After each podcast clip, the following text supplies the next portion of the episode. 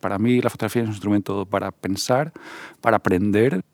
Ese a pensar y ese aprender se produce en, varios momentos del proceso, tanto en la toma, en el estar en la calle y el, placer del impresionismo, de estar en la naturaleza, al aire libre, al sol, es decir, hay todo un elemento erótico ahí, pero también, por ejemplo, el pensar se produce fuertemente en el laboratorio, en el cuarto oscuro, que es como la antítesis de ese momento, o con los contactos, en donde es cuando hay un proceso de dar forma a ese supuesto goce. Fons. Obres de la col·lecció MACBA explicades pels artistes. Jorge Ribalta. Sur l'herbe o en la hierba es una serie hecha durante cuatro años consecutivos, más o menos el mismo día, a la misma hora, durante cuatro, el mismo sitio, en el patio que hay en la parte de atrás del MACBA, entre el MACBA y el CCB, donde se monta esta especie de hierba artificial y uno de los escenarios del Festival Sonar. Y es una serie sobre, sobre el público del festival, hecho, como digo, a la caída del sol. La caída de la tarde es importante porque se produce un efecto de luz en que el, edificio del CCB hace como de pantalla de modo del sol, es decir, el sol está justo enfrente del edificio, de modo que se hace un reflejo sobre el público que está en el patio encima de esa hierba artificial, de modo que tiene un efecto como de un flash, es como si hubiera una luz artificial en un espacio abierto al sol, y, y es justo una luz que se produce, digamos, en esa época del año a esa hora. El título de la serie es evidentemente una alusión al Desayuno en la hierba de, Manet, un cuadro de 1863, y cito la fecha porque es, relevante, digamos, uno de los aspectos un poco de, lo que intento hacer con mi trabajo tiene que ver con una arqueología de la fotografía y ese periodo de 1860 es, es muy importante, como después hablaremos es una alusión a Manet, es decir, el nacimiento de todo ese discurso de, la pintura de la vida moderna, que tiene que ver también con el surgimiento de la fotografía, etc. Y bueno, la serie es, una serie, como digo, variable, hecha con una cámara Rolleiflex, una cámara de los años 60. En realidad es un diseño de los años 20, 30 pero digamos es de los últimos modelos Rolleiflex, una cámara digamos que tiene dos objetivos, que se mira desde arriba que es digamos, la cámara emblemática de los fotógrafos humanistas de los años 50, la posguerra, que es una cámara que permite fotografiar de manera muy discreta en medio de la gente, es decir, que tú no estás mirando a la gente a través del objetivo, sino que estás mirando hacia abajo, es decir, tú miras desde arriba a la pantalla de enfoque y de algún modo eh, es quizá el diseño de cámara que te hace pasar más desapercibido y que es como menos agresivo en un contexto de, de estar en medio de la gente. Al mismo tiempo, es evidente que en Sonar, pues estar paseando con esa cámara me convertía en, en un personaje exótico en medio de, del público y la gente pues me preguntaba de qué siglo era la cámara y sorprendía que fuera una cámara de los años 60, es decir, en realidad no tan antigua, es decir, que precisamente todo mi trabajo es sobre, sobre esa, esa ¿cómo diría?, de, una, traer al presente toda la memoria de la fotografía y de, algún modo insistir en la actualidad eh, de esa memoria, es decir, eh, no estamos tan lejos del 1860. Empecé a hacer las fotos sin ninguna intención concreta, es decir, en la época que yo trabajaba en el MACBA y tenía acceso gratis al sonar y tenía una Rolleiflex y tenía ganas de fotografiar y, y, además el entorno del sonar tiene una cosa interesante del público, es que es muy promiscuo, hay un uso muy promiscuo de la imagen y de la autoimagen y la autorrepresentación, es decir, una especie de espacio de visibilidad total y de autorrepresentación total. Es decir, que todo el mundo se está fotografiando con cámaras digitales, todo el mundo, de algún modo todo el mundo está allí para fotografiarse y ser fotografiado. De modo que, bueno, era una situación que, que me parecía eh, interesante aprovechar eh, inicialmente por el puro gusto, el placer de, fotografiar y estar allí y de, y de mirar. Es decir, que efectivamente ahí está el elemento voyeurístico, que también se pone en escena, porque digamos, eh, estoy constantemente fotografiando a gente haciéndose fotos, incluso hay un tipo que me está a mí haciendo una foto con su cámara digital y que, que también digamos, yo participo de esa especie de panóptico que en el fondo es eh, el, el, público de, del Sona. O sea, que ese es el arranque. No, no empecé a hacer esa serie con ninguna digamos, intención específica, sino que eso se fue eh, consolidando sobre la marcha. Yo pienso que el trabajo artístico eh, hay una cuestión de juego y de, de, placer y de gozo, es decir, y que es el mecanismo determinante, es decir, tanto para el autor como para el público. Pienso que digamos que hay un elemento fundamental en el arte que es precisamente el pasártelo bien y el disfrutar. El conocimiento se basa en eso paradójicamente, trabajando con movimientos sociales y un poco intentando, digamos, pensar cuál es la función de lo estético en el contexto social y en el trabajo político incluso, efectivamente he llegado a la conclusión de que en las situaciones incluso más políticas o de más movilización, el elemento del goce es precisamente el desencadenante del conocimiento y el, desencadenante del poder. Y, por tanto, digamos, soy incapaz de pensar el trabajo artístico sin ese elemento de goce como el elemento principal, desencadenante o, o inicial. Pero al mismo tiempo es evidente que eh, en ese momento es trabajo en un museo, digamos, el goce eh, eh, debe elaborarse para producir una obra. Entonces creo que hay, hay todo eso, es decir, hay una articulación del goce con el discurso que se produce en el proceso de pensar. Sí, un poco la serie es esa, es una, son copias de pequeño formato, eh, es una serie abierta, no tiene un número concreto de imágenes, tengo entre 60 80 imágenes que considero buenas. Eh, en la colección del MACBA hay una, como una veintena, si no me equivoco pero la serie, digamos, es, es, más amplia, es decir, no es una serie completa y que, digamos que también es una serie que se puede presentar de maneras diversas, flexibles, lo he presentado de, de, varias maneras posibles, con, sin marco, y bueno, es decir, que, que también es una serie que utilizo como como una especie de, de, wall painting o como una especie de muro de imágenes, eh, que también otra de las cuestiones que para mí es importante en la fotografía, de, digamos, defender una idea de presentación, de espacio fotográfico que no es el de la imagen única, de la imagen grande, sino que tiene que ver con un espacio saturado de imágenes.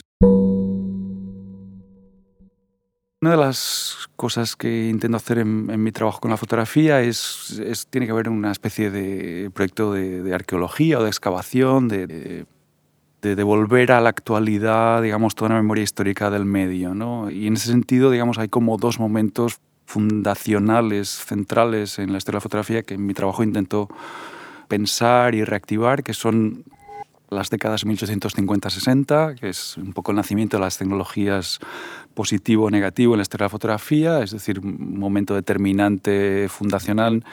La reproductividad de la fotografía nace justamente en ese momento y, es, y digamos que también la fotografía en ese momento cumple una misión, digamos, de aliada del Estado, la construcción de los archivos nacionales, las grandes campañas fotográficas de la misión heliográfica y, demás de, del 1860, en Estados Unidos las campañas del paisaje, de las proyecciones del oeste, la, la construcción del tren, es decir, la fotografía es en ese momento pues un instrumento del Estado para construir una representación del discurso del Estado-Nación, del discurso del patrimonio nacional.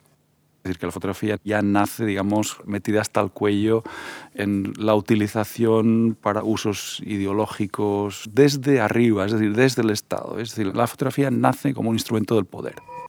El segundo momento fundacional que también para mí es fundamental es la década de 1930, grosso modo, es decir, años 20, años 30, el nacimiento de los medios de masas, el nacimiento propiamente del discurso documental. Evidentemente hay, la fotografía siempre ha tenido una utilización documental, pero no es hasta la década de 1930, de los 20-30 cuando digamos, este discurso específicamente se formula como tal en el cine y la fotografía, digamos, como nace un género propiamente documental para representar el trabajo y la clase trabajadora. Esta es un poco mi, mi, hipótesis, de ahí todo digamos, mi trabajo sobre el movimiento de la fotografía obrera, donde precisamente lo que intento defender es que el género es instrumental a la necesidad de dar visibilidad a la clase trabajadora en la época, digamos, en que la democracia se alía con los medios de reproducción, los medios de masas.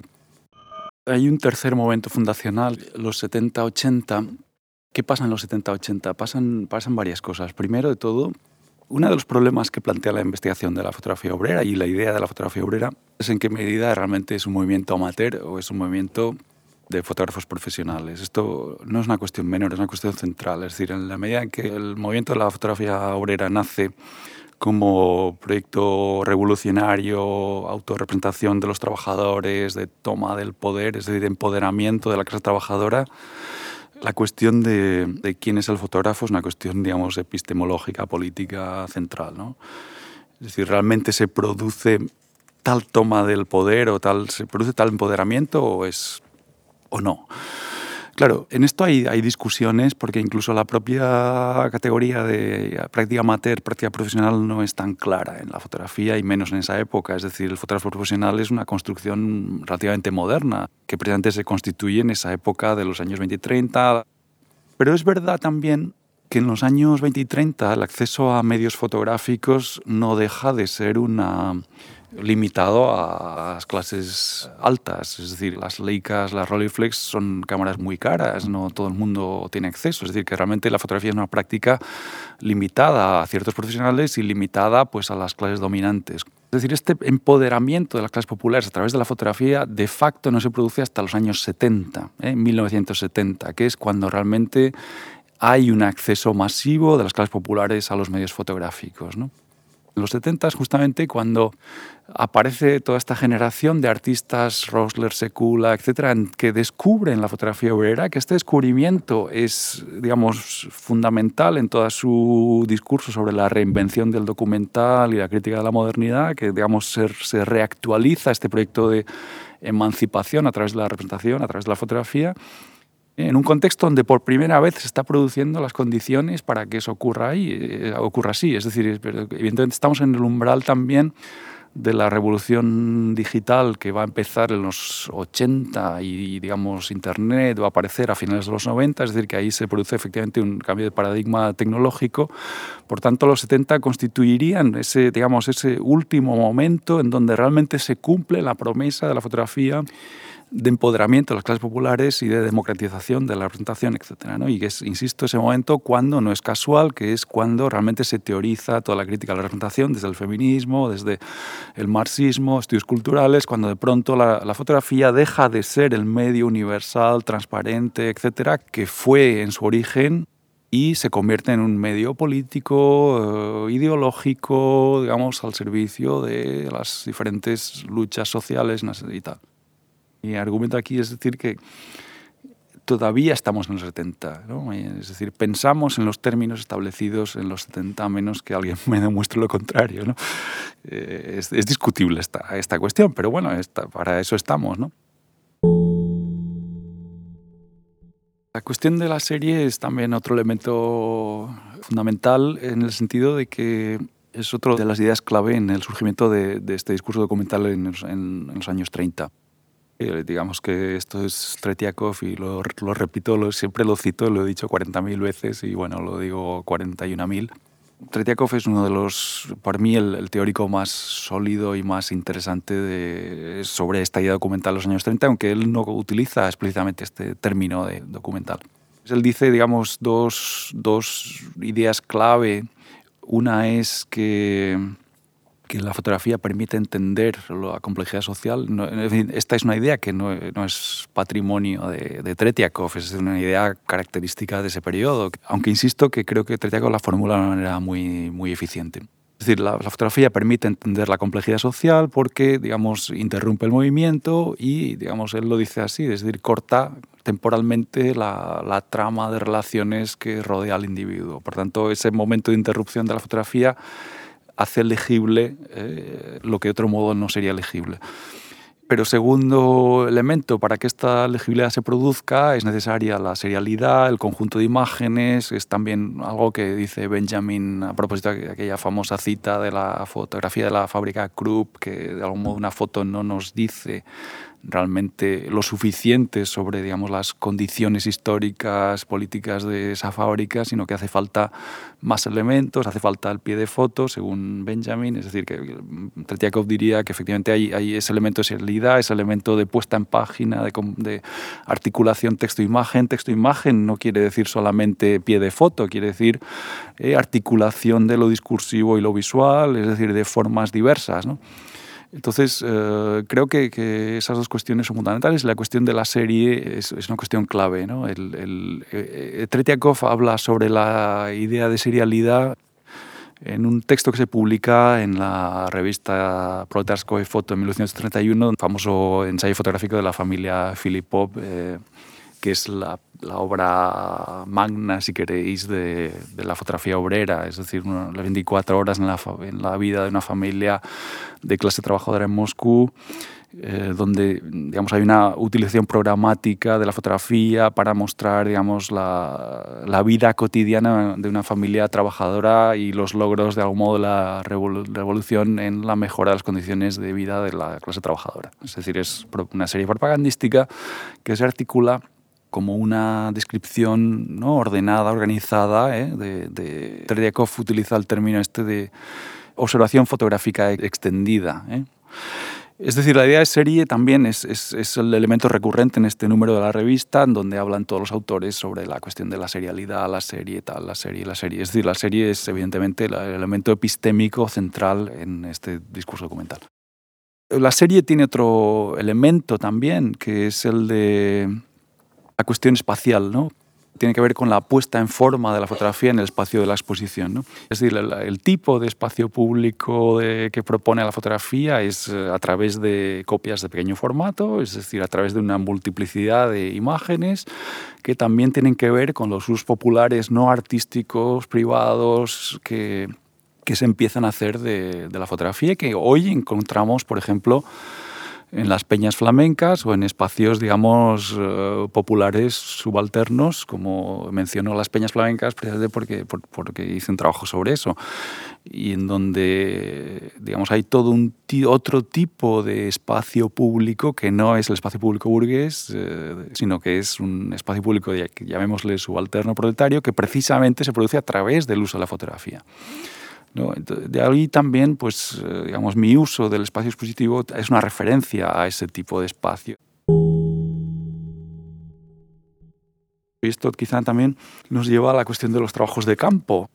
Trabajos de campo era el título que le puse a la exposición para nombrar un poco esta problemática, de, de devolver esta actualidad a la idea documental. ¿no? Trabajos de campo tenían varios sentidos el primero es esto, es decir, un poco toda la metodología de la fotografía documental, de, digamos que le vincula con las ciencias sociales, salir al, al, mundo a recoger datos para, digamos, pensar lo social, para representar lo social.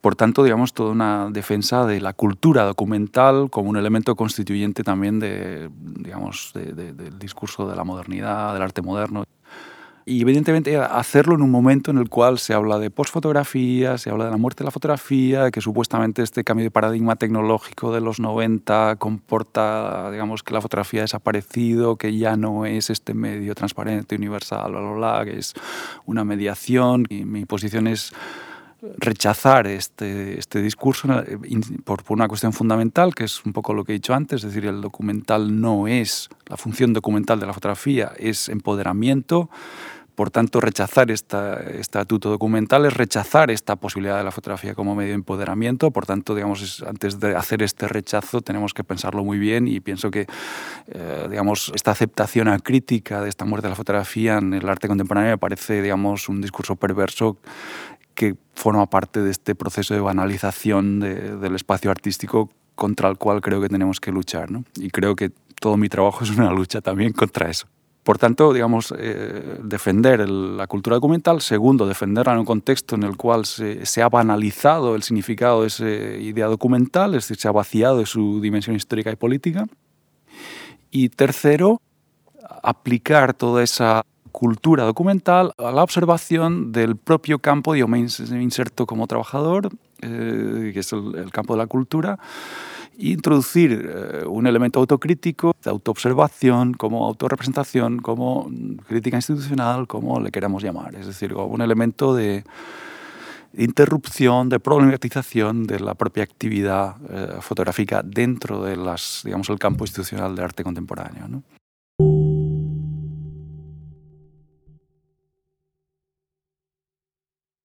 Yo una cosa que hago es, eh, por ejemplo, como hago series muy grandes para navegar y organizarme y hago como unos pequeños mapas en donde reproduzco digitalmente con una camarita los contactos para hacerme como mis esquemas de, de cómo es la serie, cómo son los grupos, eh, qué pongo, qué no pongo, ver las imágenes y empezar a tener una cierta distancia para ver cuáles son las buenas y las malas realmente para mí es un instrumento fundamental porque de otro modo es muy difícil hacer un trabajo que implica una serie en donde trabajas sobre las relaciones de imágenes, donde yo qué sé, para el flamenco tiré 4.000 tomas, de las cuales seleccioné 200, o, o, en general las series me salen, me es muy difícil bajar de, de 200 fotos, una cosa que me es muy difícil hacer series de menos. Tener un principio y un final para mí es muy importante porque precisamente porque tiendo a trabajar demasiado y, si no digo pues se acabó, no acabó nunca. Y también mm, por una cuestión de documento histórico, es decir, me parece que es importante acotar el momento en el que el trabajo está hecho, en el sentido de que también está hablando de esa época. Es una cuestión un poco científica, por así decir, es decir, una cosa que se hace entre, tal momento y tal momento, porque efectivamente como son procesos que están cambiando, digamos, si, si pretende ser explicativo de ese proceso, tiene que estar también acotado en el tiempo. En el caso del flamenco, pues me hice un plan de trabajo. Primero leo, estudio, digo, vale, ¿dónde tengo que ir? ¿Qué sitios salvo? Hago un listado, organizo los viajes esto no quita que de pronto pasen cosas imprevistas que también las meto en el bote. Entonces, eh, lo que sí hago es ir anotándome todo lo que voy fotografiando. Esto es un poco un coñazo, pero es que de otro modo es imposible después si no. Es decir, que lo que me hago es organizar los me hago álbumes de negativos y álbumes de contactos por separado, es decir, para los negativos son para no tocarlos más que cuando positivas y, los contactos son para trabajar, pensar, marcar, etc. Entonces me, están numerados de modo que son dos álbumes correlativos con la misma numeración de página y me hago unos índices de, que indicando las, los datos de las tomas con las fechas pues qué sitio es, quién es, cuándo son cosas relevantes, que después para después recuperarlo. Y incluso en el caso flamenco lo, lo, utilicé para los, los textos que ponía en los marcos, donde indicaba el lugar y la fecha. A veces lo utilizo, a veces no, depende. ¿eh?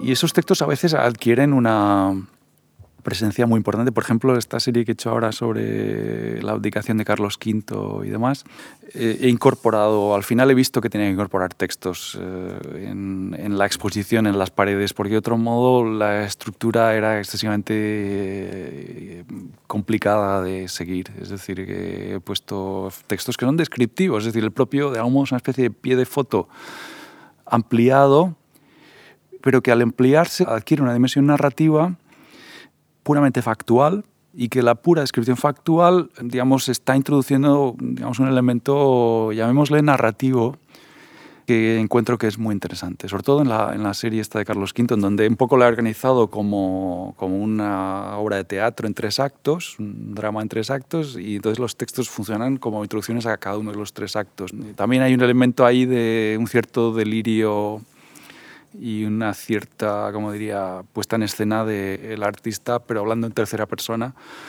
Eh, por tanto, digamos, como esta cuestión, digamos, de auto, auto, autoobservación, eh, una especie de desdoblamiento. Hay una cosa esquizofrénica en esta serie, que, que, que hay también una parodia y hay una cosa cómica, evidentemente, en donde de algún modo hay un, par de momentos donde escenifico que yo me convierto en Carlos V, en la propia serie, con lo cual, digamos, hay todo un elemento también en donde la propia enunciación y la figura del autor eh, se escenifican y se muestran y se problematizan y se parodian o se ridiculizan en cierto modo. Es decir, que, que la, el propio, digamos, el propia actividad documental también incluye sus propios monstruos o su, digamos, que la, la razón también puede ser una pesadilla o, o una monstruosidad. ¿no? Y, y, es un poco lo, eh, lo, que intentaba con esta serie, visibilizar ese elemento irracionalidad, digamos, que también es constitutivo de de, la propia actividad documental.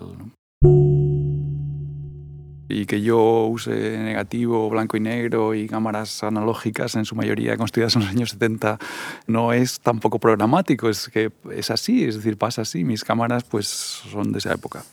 Creo que no habría que ver esto que yo digo como una especie de neoesencialismo, de que digamos hay una cosa específicamente fotográfica que solo se produce de esa manera, o un rechazo de, de lo digital, etcétera. Lo que, si quieres, como fotógrafo hay una cosa eh, como muy... Primera, primera cuestión, yo percibo mal el color, soy daltónico, por tanto, digamos, tengo una relación muy problemática con el color. Por tanto, me veo como forzado a usar el blanco y negro. En mi opinión, el blanco y negro es una tecnología que implica el negativo. Es decir, hacer, una, una, usar, hacer blanco y negro con tecnología digital me parece un gesto de una artificialidad monstruosa. Es decir, donde tienes que ir en contra del propio medio me parece también que es una cosa muy empírica, o sea, un fotógrafo no trabaja ni piensa igual con, cuando cambia de cámara. Una cámara es también un instrumento para pensar y cada cámara, incluso usando negativo, te hace pensar diferente y te, y te comportas diferente según la cámara. Entonces, me parece que el negativo y el hecho de que en la toma no puedas constatar lo que has hecho hasta momentos después, digamos, introduce un elemento que a, mí personalmente me interesa, que tiene que ver con, hay un elemento de, inconsciencia, de, falta de control, aunque sea pequeño, es decir, un fotógrafo intenta controlar ¿eh? la toma, pero ese control tiene unos límites. Y eso a mí me parece que es un espacio interesante, es decir, el proceso de descubrimiento que se produce cuando revelas los negativos, incluso cuando haces las copias, me parece que forma parte de ese, de ese goce que, hablábamos antes, que a la vez tiene es un descubrimiento, es un aprendizaje, etc. Eh, no, yo eso no, yo no lo sé ver en la tecnología digital, no lo sé ver. Mm, pero quizás es mi limitación o mi pereza, etcétera al mismo tiempo, pienso que la gran innovación de la tecnología digital no, no tiene, tiene que ver en, digamos, en dos ámbitos. Uno, en los packs de distribución, Internet, por un lado, creo que eso es realmente la gran aportación. Y en segundo lugar, tiene que ver con, la, con el uso del color en fotografía. Es decir, digamos, las tecnologías fotoquímicas no han resuelto bien el positivado en color. En fotografía, pensad que la fotografía en color, digamos, no se masifica hasta los años 70, eh, incluso el uso artístico de la fotografía es característico de los años 70 también. ¿no? Fotógrafos americanos como Stephen Shore o Meyerowitz o otros empiezan a utilizar el color en esa época. Incluso hay fotógrafos eh, mayores que yo que de algún modo dicen, como David Goldblatt, por ejemplo, que, que digamos, solo ha empezado a hacer color cuando ha habido eh, tecnologías digitales que le han permitido positivar con papeles eh, que no son el papel brillante de color, que, que, no era especialmente bonito, atractivo, según para qué usos. Por tanto, la tecnología digital, digamos, soluciona un problema histórico de la tecnología fotográfica, que es el positivado en color con unas calidades, digamos, satisfactorias, ¿no? dicho grosso modo. También digo que la historia de la fotografía es la historia de su democratización y es verdad, digamos, la, fotografía nace con una promesa, digamos, de, universalización y es una promesa que tarda a lo mejor un siglo en realmente producirse. Y es verdad que qué es lo que puede hacer un artista, digamos, para continuar, digamos, esa promesa democratizadora de la fotografía o con que la fotografía entra en la modernidad. Yo por eso digo que me sitúo en los 70, es decir, me parece que mm, en los 70, ¿qué, diferencia hay entre los 70 y, la actualidad en respecto a, por ejemplo, casos como Joe Spence o Rosler o Secula?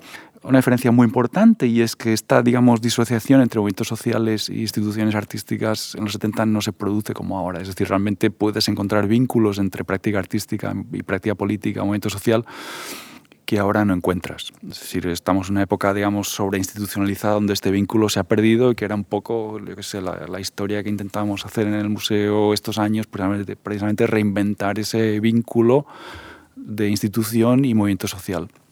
Eso se pierde, en este momento no se está produciendo pero pienso que, que, el tipo de práctica, yo me identifico mucho con el, digamos, la figura de alguien como, como Joe Spence o Martha Rosler o Alan Sekula, es decir, que, que pienso que mi, práctica participa y, los, los, problemas que les puedes plantear son, son justos, es correcto, es decir, mm, realmente está contribuyendo a, una democratización, a una, ¿no? a, una, a una emancipación, ¿no? o está reproduciendo un modelo de autorial paternalista Pero la respuesta es un poco la que daba Joe Spence, es decir, que lo que un artista hace es ofrecer modelos o prototipos para que sean apropiados como les parezca a los diferentes colectivos, públicos, lo que sea. Es decir, poner en público prototipos, modelos, tal, ¿no? sin automitificarse como portavoz del discurso, sino como algo que se ofrece a los demás para que con ello hagan algo, ¿no? Una idea, de, si quieres, de servicio público. Y creo que la, pluralidad de actividades también es una manera de responder a esa cuestión. Es decir, que, en este momento, desde la práctica artística no, no, aislada, no puede responder a esa cuestión de cómo reinventar ese vínculo entre práctica artística y práctica social. Y ahí yo veo ahí, por ejemplo, el trabajo curatorial o la investigación sobre la fotografía obrera es introducir ese elemento de criticalidad en el espacio del museo de autorreflexividad, es decir, de marcar o señalar un problema eh, para la institución, que, un problema que no está resuelto, pero que digamos que no hay que olvidar ¿eh? y que digamos es algo de algún modo fundamental en, hoy. Sigue siendo, es un problema fundamental de la modernidad, sigue siendo un problema fundamental hoy y efectivamente en un contexto institucional donde de momento las condiciones van en contra, como sabéis muy bien, y este museo probablemente se enfrenta a una situación realmente vas a encarnar de manera dramática eh, en los próximos años la dificultad de restablecer ese vínculo de práctica artística y práctica social. Es decir, que, que realmente digamos, es una lucha en contra de, de la de las dinámicas históricas, pero es que es una lucha fundamental en la cual pues tenemos que seguir como podamos.